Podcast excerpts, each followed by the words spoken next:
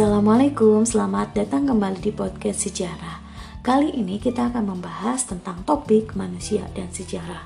Sebelum kita masuk pada pembahasan manusia dan sejarah, kita akan bahas dulu terkait dengan akar dari kata sejarah. Sejarah itu berasal dari bahasa Arab yaitu syajaratun yang artinya pohon silsilah atau masa lampau. Kenapa sejarah dianalogikan sebagai pohon silsilah? Kalau kita lihat sebuah silsilah keluarga, maka ibu dan ayah itu bisa dikategorikan sebagai akarnya. Anak, cicit, cucu itu nanti menjadi ranting, daun dari pohon tersebut yang akan terus berkembang. Dalam sejarah, setiap peristiwa itu memiliki keterkaitan dengan peristiwa yang lain dan akan terus berkembang selama manusia ada. Selain dari bahasa Arab, sejarah juga berasal dari bahasa Yunani, yaitu historia yang artinya penelitian atau penyelidikan. Jadi, kalau begitu, apa sih yang dimaksud dengan sejarah?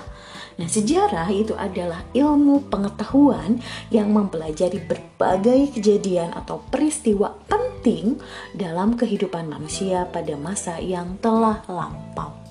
Kajian di dalam sejarah itu adalah masa lalu. Satu menit ke belakang termasuk ke dalam rekaman jejak sejarah.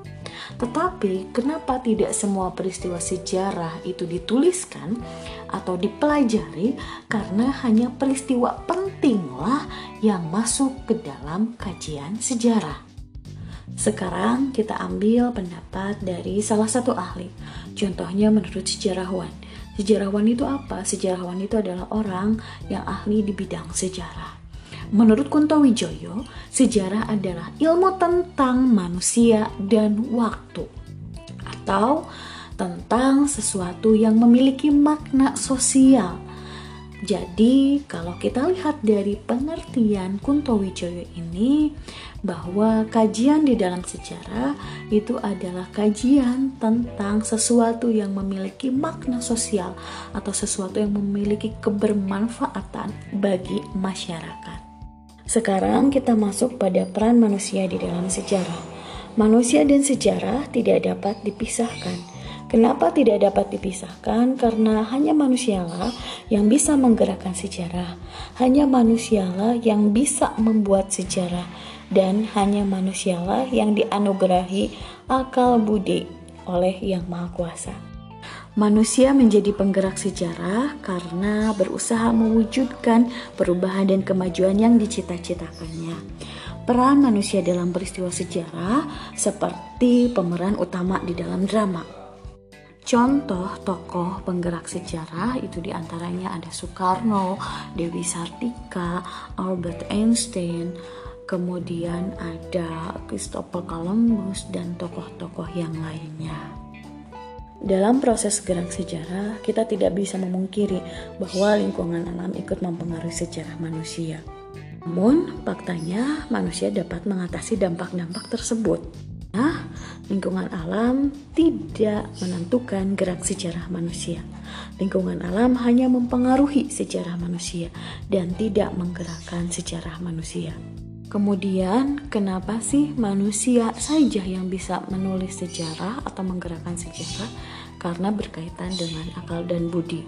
Tapi, bagaimana dengan sejarah hewan, misalnya sejarah dinosaurus? Kenapa ikut ditulis di dalam kajian sejarah?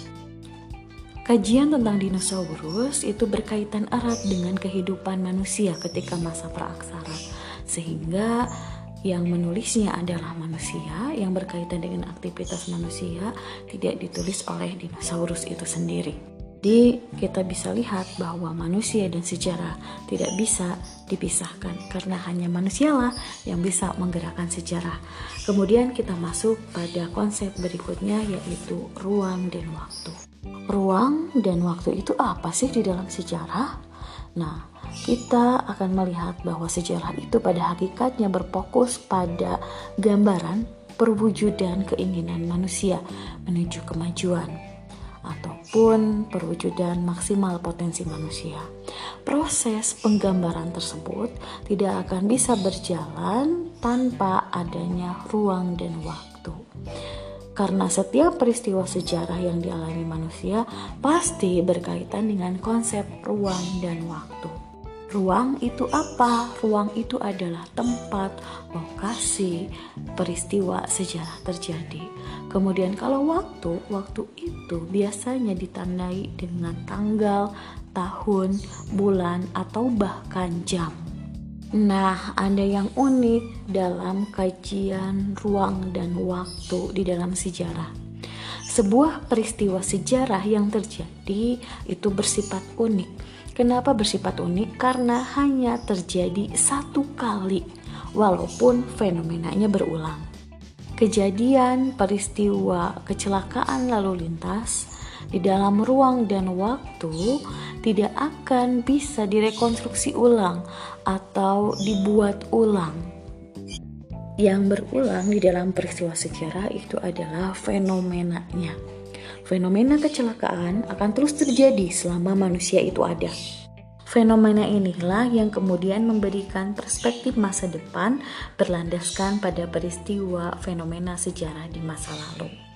Konsep waktu di dalam sejarah mencakup empat hal, yaitu berkaitan dengan perkembangan, kesinambungan, pengulangan, dan perubahan.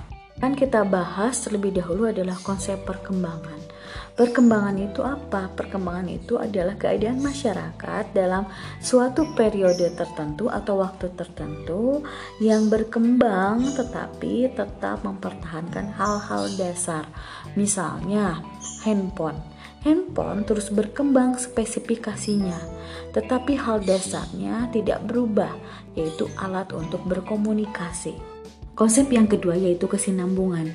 Nah, kesinambungan ini terkadang tidak melahirkan kondisi baru, tetapi tetap mewariskan atau diteruskan karena dianggap baik oleh suatu masyarakat. Contohnya yaitu tata krama.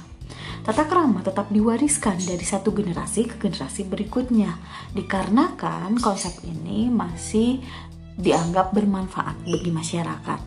Yang ketiga yaitu pengulangan. Nah, pengulangan ini adalah fenomena yang berulang yang terjadi sebelumnya.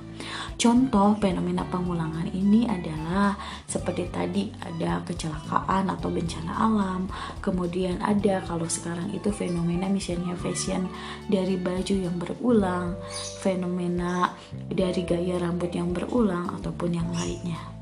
Yang terakhir itu adalah perubahan. Nah, perubahan ini terjadi ketika masyarakat membentuk sebuah praktik baru yang berbeda dan belum pernah ada sebelumnya. Misalnya penemuan handphone ataupun perubahan karena adanya sebuah inovasi baru. Perubahan yang terjadi di dalam masyarakat dikategorikan ke dalam dua jenis. Yang pertama, perubahan yang tidak diinginkan oleh masyarakat. Biasanya ini terjadi karena adanya bencana alam. Yang kedua, perubahan yang dikehendaki oleh masyarakat. Nah, kalau yang ini terjadi karena adanya inovasi yang ditemukan oleh masyarakat. Sekian untuk pembahasan materi konsep ruang, waktu, dan manusia di dalam sejarah. Kita ketemu nanti di podcast-podcast selanjutnya. Wassalamualaikum warahmatullahi wabarakatuh.